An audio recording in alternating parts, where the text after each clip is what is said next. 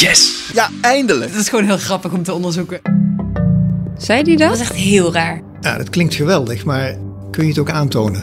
Dit is Speurwerk. Wij brengen je de hoogtepunten van Investico's nieuwste publicaties en laten zien hoe journalisten te werk gaan. Ik ben Simone Peek. En ik ben Sylvana van den Braak. Deze aflevering gaat over. Als een crimineel vijf meter de grens overgaat, dan kan die eigenlijk weer alles doen wat hij wil. Dit gaat om heel veel geld. Hoe ver ga je eigenlijk in je onderzoek in een soort opsporingsdienst zijn als journalist? Zonder de enige bescherming die de politie natuurlijk wel heeft. Welkom bij Speurwerk. Dit is de tweede en laatste aflevering over een Nederlands crimineel netwerk dat de grens overtrok naar België. Het is een onderzoek van Romy van den Burg en Marieke Rotman die dit netwerk blootlegde samen met Jelle Tieleman van het AD. Heb je de vorige aflevering nou nog niet gehoord? Zet dit dan snel uit en luister eerst naar deel 1. In de eerste aflevering hoorden we hoe Romy en Marieke een netwerk uittekenen dat in drie jaar tijd pompstation na pompstation in België koopt en mogelijk dieselfraude pleegt. Luister nu verder naar de ontknoping van het onderzoek. Er moeten nog twee paden uitgelopen worden in het onderzoek. Aan de ene kant was dat je wil eigenlijk hard maken dat wat ze doen ook is wat we in die oude zaken zagen, wat we vermoeden. En het andere losse eindje was natuurlijk, we wilden aantonen dat het een criminele familie is. Dus we moesten erachter komen in Nederland of deze families, die allemaal in Nederland ook woonadressen hebben, of die veroordeeld zijn voor criminele feiten. Dat was zo. Er waren criminele activiteiten, dan ging het over mishandeling of over wapenbezit of softdrugshandel. Dat waren eigenlijk de veroordelingen die we konden vinden. En toen kregen we ook wel signalen van dat het dus best een netwerk is wat niet altijd geweld schuwt en dat er ook wel gewoon een aantal signalen waarvan we dachten, we kunnen het niet zo goed inschatten. Het is altijd een beetje een gok als je schrijft over misdaad van wat kan ik wel opschrijven en wat niet en hoe gaat iemand daarop reageren. En toen dachten we, ja, het gaat wel over potentieel heel veel geld, want we wisten dus dat in dat vorige netwerk 230 miljoen was omgegaan. Ja, als dat dit ook zo is en wij richten de schijnwerper daarop, dan kan ik me voorstellen dat dat best wel reden tot woede is bij zo'n netwerk ja, toen wisten we eigenlijk niet zo goed van, is dat nou een risico dat we moeten en kunnen nemen? En hoe kunnen we dan zorgen dat het voor ons wel een soort van veilig is? En ook heel praktische dingen van, in onze vorige onderzoeken hebben we altijd mensen bij naam en toenaam genoemd. Ook omdat we ons volledig baseerden op openbare bronnen en wederhaalden en dat belangrijk vonden. In dit geval dachten we, ja, we gaan nu wel echt over een criminele activiteit schrijven. Moeten we dan anonimiseren of niet? Hoeveel moeten we hen straks voorleggen? Hoe moeten we dat doen? Er waren gewoon best veel onzekerheden die we vorige onderzoeken ook wel hadden, maar nu heel groot werden. En omdat het deze keer over een actieve criminele activiteit gaat in plaats van over iets wat in het verleden is gebeurd, ja, was dat gewoon wel ingewikkeld. En op een gegeven moment werd die onzekerheid wel zo onveilig dat we dachten, wat moeten we hier nou mee? En toen hebben we daar ook al met de hoofdredacteur over gehad. En die wist dat eigenlijk ook niet zo goed, want we hebben ook als Investico niet heel veel onderzoeken verder over dit soort onderwerpen gedaan. Dus toen um, was er wel een moment dat we dachten, moeten we hier nou mee doorgaan? Dat liep het steeds een beetje zo op vast. Dat je eigenlijk een risico-indicatie wil maken van onveilig is het wat we aan het doen zijn. En op een gegeven moment dachten we, nou laten we gewoon de politie Utrecht eens benaderen met een, nou eigenlijk een vraag als burger. En niet eens per journalist van, is het netwerk waar ik naar kijk, is dat gevaarlijk om naar te kijken? En de politie wilde daar niks over zeggen. Ook als we hun als niet-journalist of off the record, of die wilden daar niks over kwijt. Dat vond ik frustrerend omdat je bent ook een burger die beschermd moet worden, al ben je journalist. Dat daar gewoon geen enkele reactie op kwam, vonden we eigenlijk best wel lastig. Toen we daarachter kwamen, dachten we, we willen eigenlijk ook omdat we niet zo goed in de criminele wereld zitten in, uh, in Nederland, hebben we eigenlijk een soort versterking nodig. Ik ben Jelle Tieleman en ik werk voor het Algemeen Dagblad als misdaadverslaggever. Ik volg ontwikkelingen in de georganiseerde misdaad te voet. En ik doe verslag van grote processen, zoals bijvoorbeeld het Marengo-proces tegen Ridwan Taghi. Versterking. Ik heb uh, hen leren kennen bij een uh, congres in Brussel. En zij vroegen op een gegeven moment of ik met hun wilde praten, omdat zij bezig waren met een onderzoek. Ja, en dan kwam ik de vraag of ik, of ik interesse had om, uh, om daaraan mee te werken. Nou ja, dat, dat had ik wel. Op de samenwerking zei Jelle volmondig ja. Hij legt uit waarom. Nou, dat ik het heel gaaf vind dat AD en Investico iets samen doen. Dat is misschien niet de combinatie die je in eerste instantie zou bedenken. Dus dat vind ik heel erg leuk. En ik was echt wel heel erg onder de indruk van wat Romy en Marieke al op tafel hadden. Dat vond ik heel knap werk. Zo gedetailleerd ook. Heel gestructureerd. Ik kon instappen, eerste klas. En het was ook direct al duidelijk wat ik daaraan zou kunnen toevoegen vanuit mijn netwerk. Jelle kon via zijn bronnennetwerk goed voor Romy en Marieke controleren of de familie C en G betrokken zijn geweest bij criminele activiteiten. Ik kreeg eigenlijk een aantal namen door hè, van mogelijke betrokkenen. En uh, die ben ik eigenlijk in mijn eigen, laat ik zeggen, bronnennetwerk, plekken waar ik onderzoek kan doen, ben ik die namen gaan bekijken. En daar kwamen eigenlijk wel deels de vindingen uit die zij ook al hadden gehoord. Dus dat was echt wel een bevestiging. Namen van mogelijke betrokkenen in je eigen bronnennetwerk bekijken. Hoe werkt zoiets? Ik heb lang in Utrecht gewerkt, dus ik ken daar veel mensen. Zowel zeg maar in wijken, maar als ook bij politie en justitie. Dus ik kan wel mensen bellen of appen of afspreken om met hen over bepaalde onderwerpen te spreken. Wat ik bijvoorbeeld ook kan doen, omdat wij rechtbankrollen opslaan, en dat hebben we over de afgelopen jaren gedaan, dat je dus een naam door die documenten heen kan halen om te zien of iemand nou ergens voor terecht heeft gestaan. En zo kun je best wel makkelijk zoeken. Nou, het is best wel een rotwerkje, maar je kan dan wel iets tegenkomen. Het ging bijvoorbeeld over iemand waarvan wij hoorden dat hij in de wiethokken gezeten zou hebben. Een wiethokken, nou dat zijn hennenplantages.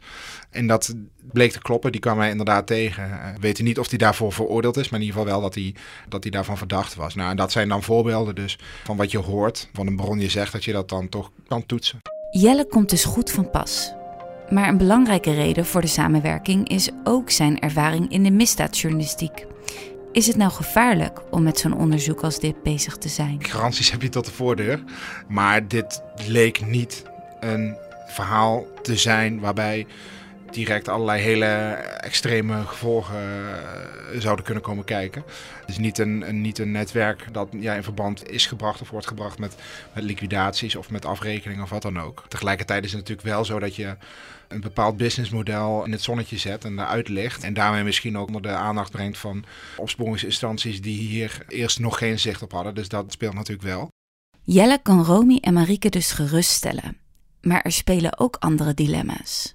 Een van de dingen waar we over twijfelden was, als we een diesel sample hebben, moeten wij dat dan laten testen of gaan we dan juist de grens over met politieopsporing? Want dat is ook een beetje wat we de hele tijd, ja, waar we een beetje op balanceren van wat is onze taak als journalist en wat moeten we doen om het verhaal rond te krijgen en wat is eigenlijk meer politiewerk en moeten wij ook een beetje afstand van houden, omdat het dan juist misschien weer gevaarlijker wordt en wij niet dezelfde bescherming hebben als de politie.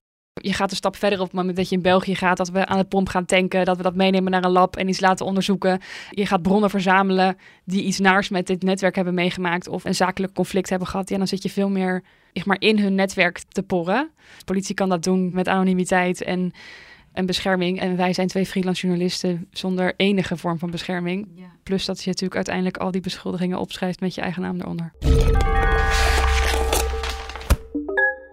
Wat we wel weten is dat het belangrijk is dat we zo feitelijk mogelijk zijn. Dus dat we echt alles dicht timmeren en weten dat alles echt klopt en dat je het kan onderbouwen. Want anders dan gooi je eigenlijk iemand maar een beschuldiging voor de voeten. Maar hoe maak je van een beschuldiging feiten? Hoe verander je een vermoeden over dieselfraude in daadwerkelijk bewezen fraude met diesel?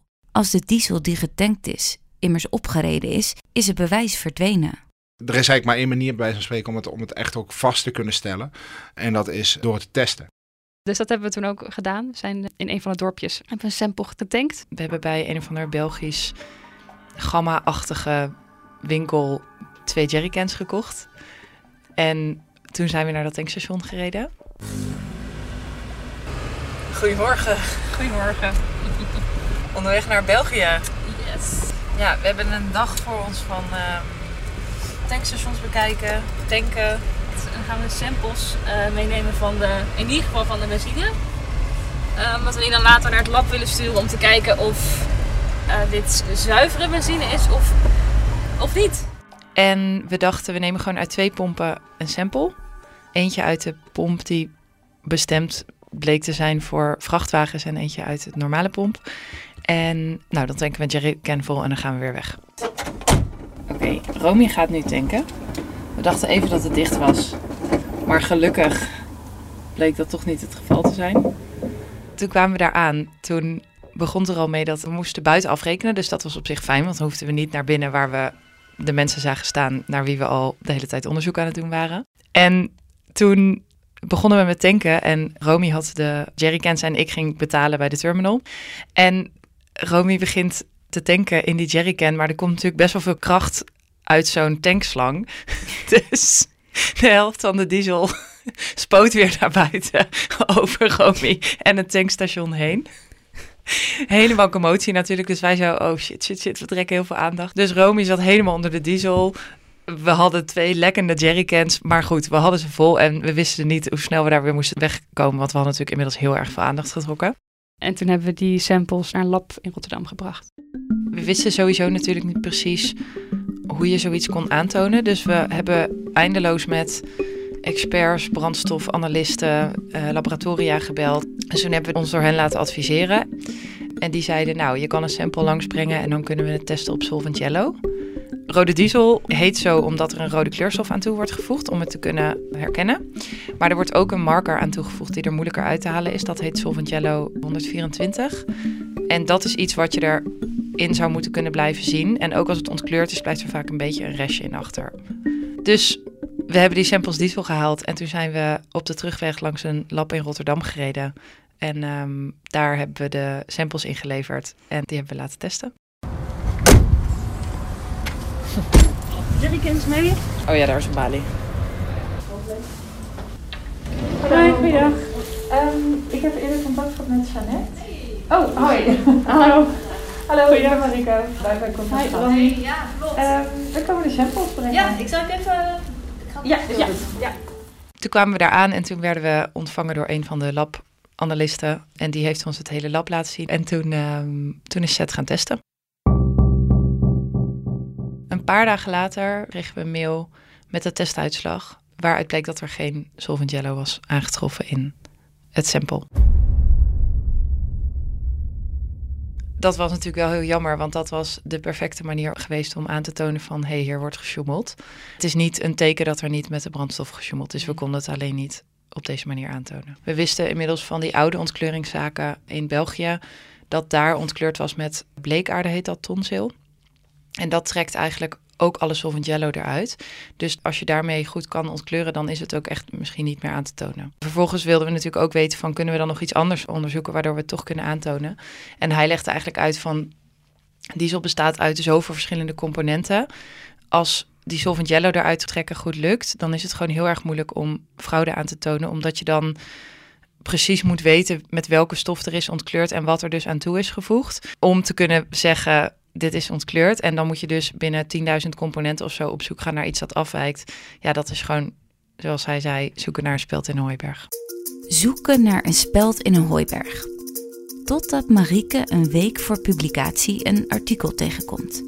Ik spreek ze op de redactie. Ik kreeg vanmorgen van Marieke een appje met een link naar een uh, artikel in het Belang van Limburg. En uit het artikel bleek dat er in een ander dorp in België, Ham, een uh, was opgerold. En daar waren twee mannen op heterdaad betrapt bij het ontkleuren van rode diesel. En dat ging om 2,2 miljoen liter die ze ontkleurd hadden. En er werd nu een belasting teruggeëist plus een boete van in totaal 80 miljoen. Dus dat was wederom echt een hele grote zaak. En toen stond in het nieuwsartikel dat het spoor van dat onderzoek niet alleen leidde naar, uh, ja, het was in een loods in Ham, maar ook naar een bedenkelijke vennootschap in Tielt. Tielt, de plek waar een tankstation staat van de familie C en G. En nota bene het tankstation waar Romy en Marieke de diesel hebben getankt die ze naar het lab hebben gebracht. Waarop wij dachten, dit kan wel eens de link zijn die we zochten. Maar goed, dan moesten we wel weten dat het echt ons netwerk was en niet toevallig een ander tankstation in dat dorp. Dus toen hebben we gebeld met de advocaat van de VOD, van de overheidsinstantie die hier onderzoek naar doet. En hem gevraagd van welk bedrijf is het? En uh, dat wilde hij wel zeggen. En dat was inderdaad het bedrijf waar wij onderzoek naar deden. En hij zei, er zijn daar stalen genomen in de tank en in de opslagtank die ook bij dat bedrijf hoort. En dat was ontkleurde rode diesel. Dus toen hadden we alsnog ons bewijs. Het laatste puzzelstukje is gelegd. Ja, dit bevestigt op een hele fijne manier voor ons al onze hypotheses die we de afgelopen half jaar hebben, we, hebben opgezet, hebben gemaakt, hebben bedacht. En dat viel eigenlijk allemaal op zijn plek nu in één keer met zo'n zaak en met een bevestiging van de advocaat. Dat je denkt, nou dan is ons verhaal rond. En we vroegen meteen ook nog even aan de advocaat: joh, maar zijn er niet dan nog meer tankstations? En dat wisten ze niet. Ze wisten alleen van dit tankstation in, uh, in Tielt. dat is heel interessant voor ons verhaal, omdat wij aan de ene kant kijken naar de criminelen. En dat wij ook weten dat zij een crimineel verleden hebben. En vervolgens dus niet alleen in Tielt, maar ook in verschillende dorpjes door het hele land tankstations hebben. En dat laat heel erg zien dat het dus echt een, om een netwerk gaat. En dat de opsporingsdiensten daar eigenlijk niet zo heel goed naar kijken. En dat is iets wat we ons denk ik het hele onderzoek sowieso al heel erg over verbaast over om hoeveel geld dit gaat en hoe weinig aandacht er tegelijkertijd ervoor is. Het is een misdaad waar je eigenlijk niemand mee hebt, lijkt het bijna, maar het gaat wel echt om heel veel geld. Dus het is best wel een aantrekkelijke branche om in te stappen als crimineel, want ik bedoel, als je dit een, een jaar kan doen voordat je opgepakt wordt, dan heb je je zakken eigenlijk al gevuld. En dat is, dat is een zelfstraf van een, een jaar en een paar maanden. Ja. Er staat gewoon niet een hele hoge straf op. En de opbrengsten zijn natuurlijk gigantisch. Waar gaan al die opbrengsten naartoe? De meeste criminele netwerken doen niet één ding. Dus dit is een soort van moneymaker. Maar heel veel netwerken zitten en in iets van fraude en dan ook nog drugs en dan ook nog. Dus dit geld kan ook weer in de criminele wereld gepompt worden. Dit faciliteert ook weer bijvoorbeeld in Nederland misschien drugscriminaliteit. Maar Romy blijft zich iets afvragen. Wie is nou eigenlijk het slachtoffer van deze misdaad? Ja. Want ja, ja, goed, dat er motoren aangetast worden, dat is misschien dan, dan het ergste. En dat de omgeving last heeft van eh, criminele activiteiten, want dat horen, hebben we ook wel gehoord. Uh, maar het is heel moeilijk om je vinger erop te leggen van dit zijn de slachtoffers Ja. en daarom moeten we er nu wat aan gaan doen. Aan de andere hangen. kant is het wel een eh, misdaad waar zoveel geld in omgaat dat de belangen ook wel heel erg zijn. Dus er is ook nog een, bijvoorbeeld een oudere zaak uit 2011. En daarbij waren een aantal politieagenten die in het netwerk waren eh, zeg maar betrokken. Dus die, die waren eigenlijk mol bij de politie. En daar is toen een collega van hen op een gegeven moment achtergekomen bij de politie. En die is vermoord. Hoezo kunnen deze families ongestoord hun gang blijven gaan? In Nederland focussen de opsporingsdiensten zich natuurlijk heel erg op drugscriminaliteit. Dat is ook de grootste moot en ook de gevaarlijkste misschien. En daar ontstaan ook de meeste high impact crimes uit, zoals ze dat dan zeggen. Maar eigenlijk horen dus ook wel van experts dat de bijvangst, zoals dit soort, dit soort onderwerpen vaak zijn in, in politieonderzoeken, dat dat misschien wel langzaam het grotere verhaal aan het worden is. Dus dat die overige criminaliteit, waar heel veel verschillende dingen onder vallen die onbekend zijn, dat dat steeds groter wordt. Wat natuurlijk vanuit crimineel oogpunt ook logisch is, want daar staat niet zo de spotlight op. Plus, dit soort dingen kom je ook tegen op straat. Dat merken wij ook vaak in onze onderzoeken. Wij zien vaak dingen gewoon op straat gebeuren en dan denken we dit is raar. Uh, of we zien iets in de Kamer van Koophandel. Maar dan moet je wel daar gaan kijken. En in Nederland is het zo dat in de basisteams van de politie uh, dus dat zijn de teams die bijvoorbeeld in een dorpje of in een stad of op straat ook lopen. Dat moeten allemaal generalisten zijn, dus allemaal agenten die op alle vlakken inzetbaar zijn. En daar zit geen recherche in. De recherche begint eigenlijk pas op regionaal niveau of districtsniveau. Dus dan zweef je al een heel eind boven wat er nou eigenlijk op straat gebeurt en wat voor patronen je daarin zou kunnen herkennen. Dus eigenlijk de enige mensen die af en toe iets verder kijken, misschien dan naar netwerken of naar wat er verder nog gebeurt. Waarbij je dus eigenlijk meer het criminele spoor gaat volgen in plaats van kijk naar welke concrete misdaad is er nu gebeurd. Ja, dat zijn een handjevol fanatiekelingen uh, die dit misschien bijna in hun vrije tijd doen. Maar verder heeft de politie daar eigenlijk gewoon geen capaciteit voor. Jelle vraagt bij zijn bronnen na waarom de politie niet onderzoekt waar de families C en G mee bezig zijn. En dan kwam bijvoorbeeld ook wel uit dat een van die families die hierbij betrokken is, ook nadrukkelijk in beeld was bij de Utrechtse recherche. En dat zij ook in het kader van een aanpak gericht op criminele families hebben gekeken van is dit een familie waar wij iets mee, mee zouden kunnen doen uh, qua aanpak. En eigenlijk was de conclusie dat zij al te veel uit beeld waren. Dat er al te veel met BV's en met geld was geschoven om daar nog iets mee te doen. En één bron zei ook van wij konden wel al zien dat zij aan het investeren waren in maar, Belgische pompstations. Maar ja, dat raakte niet meer Utrecht. Dat, dat ging buiten die scope. Dus daar zijn wel een aantal, uh, zoals zij dat noemen, bevindingen van op papier gezet. En dat is als restinformatie achtergebleven. En het probleem daarvan is dat belandt in een la en uh, mm -hmm. die wordt nooit meer opengedaan. Maar dat wordt dan niet overgegeven aan bijvoorbeeld de landelijke, Nederlandse landelijke afdeling die hier naar zou kunnen kijken? Of... Nee, en dat heeft ook mee te maken, denk ik, dat deze uh, vorm van criminaliteit niet bovenaan uh, de prioriteitenlijst staat. Het speelt zich natuurlijk ook niet in principe af in Nederland, maar uh, in België. Dus dat zijn zeg maar al ja, best hoge drempels die dan worden, worden aangelegd. Ja, dat maakt allemaal dat dit niet in beeld komt. De Nederlandse politie heeft dus informatie en vermoedens over wat een van de families in België aan het doen is, maar informeert Belgische collega's niet. Daar hebben op zich criminelen denk ik heel veel uh, plezier van. In principe zijn er heel veel samenwerkingen tussen Nederland en België en zijn dat best korte lijntjes. Maar het is wel zo dat zodra iets de grens overgaat en je wil daar iets over weten, als bijvoorbeeld politie van Nederland, dan moet je een informatieverzoek indienen bij de politie in België. Die gaan dat dan opzoeken en die koppelen het terug. Dan kun je dus niet ook iemand volgen of je kunt niet zeggen van oh ik hou eens even in de gaten wat die daar aan het doen is. En andersom uh, hebben we in Nederland natuurlijk bijvoorbeeld de Bibop. Dus stel iemand is eerder veroordeeld voor het hebben van een wietplantage, dan kan die niet zomaar een horecazaak beginnen, want dan moet je een Bibop-procedure doorlopen en dan worden dat soort dingen gecheckt en dan krijg je geen vergunning. Maar België heeft geen Bibop en kan bovendien niet in de Nederlandse registers kijken. Dus als een crimineel vijf meter de grens overgaat, dan kan die eigenlijk weer alles doen wat hij wil. Dat is voor criminelen allemaal relatief weinig moeite, en, uh, maar maakt het wel heel ingewikkeld om voor Nederland in België te onderzoeken of andersom. Dus dat zal in zo'n geval als dit eigenlijk niet gebeuren. Maar Romy, Marieke en Jelle hebben de familie C en G wel in beeld gekregen en willen hem benaderen met alle verzamelde feiten, zodat ze om een reactie kunnen vragen. Woensdag zijn Marieke en ik heel vroeg ochtends dachten we gaan meteen dit maar even doen, want we waren natuurlijk best wel zenuwachtig. En ons eerste telefoontje ging eigenlijk heel goed. Kregen we uh, de familie G hadden we gebeld op een 06-nummer wat we op een oud bedrijf in de Kamer van Koophandel hadden gevonden. En die ging eigenlijk met ons in gesprek van wat willen jullie dan? En uh, zeiden wij nou we willen graag ons stuk voorleggen aan jullie, want we schrijven over jullie ondernemingen en willen graag een reactie daarop.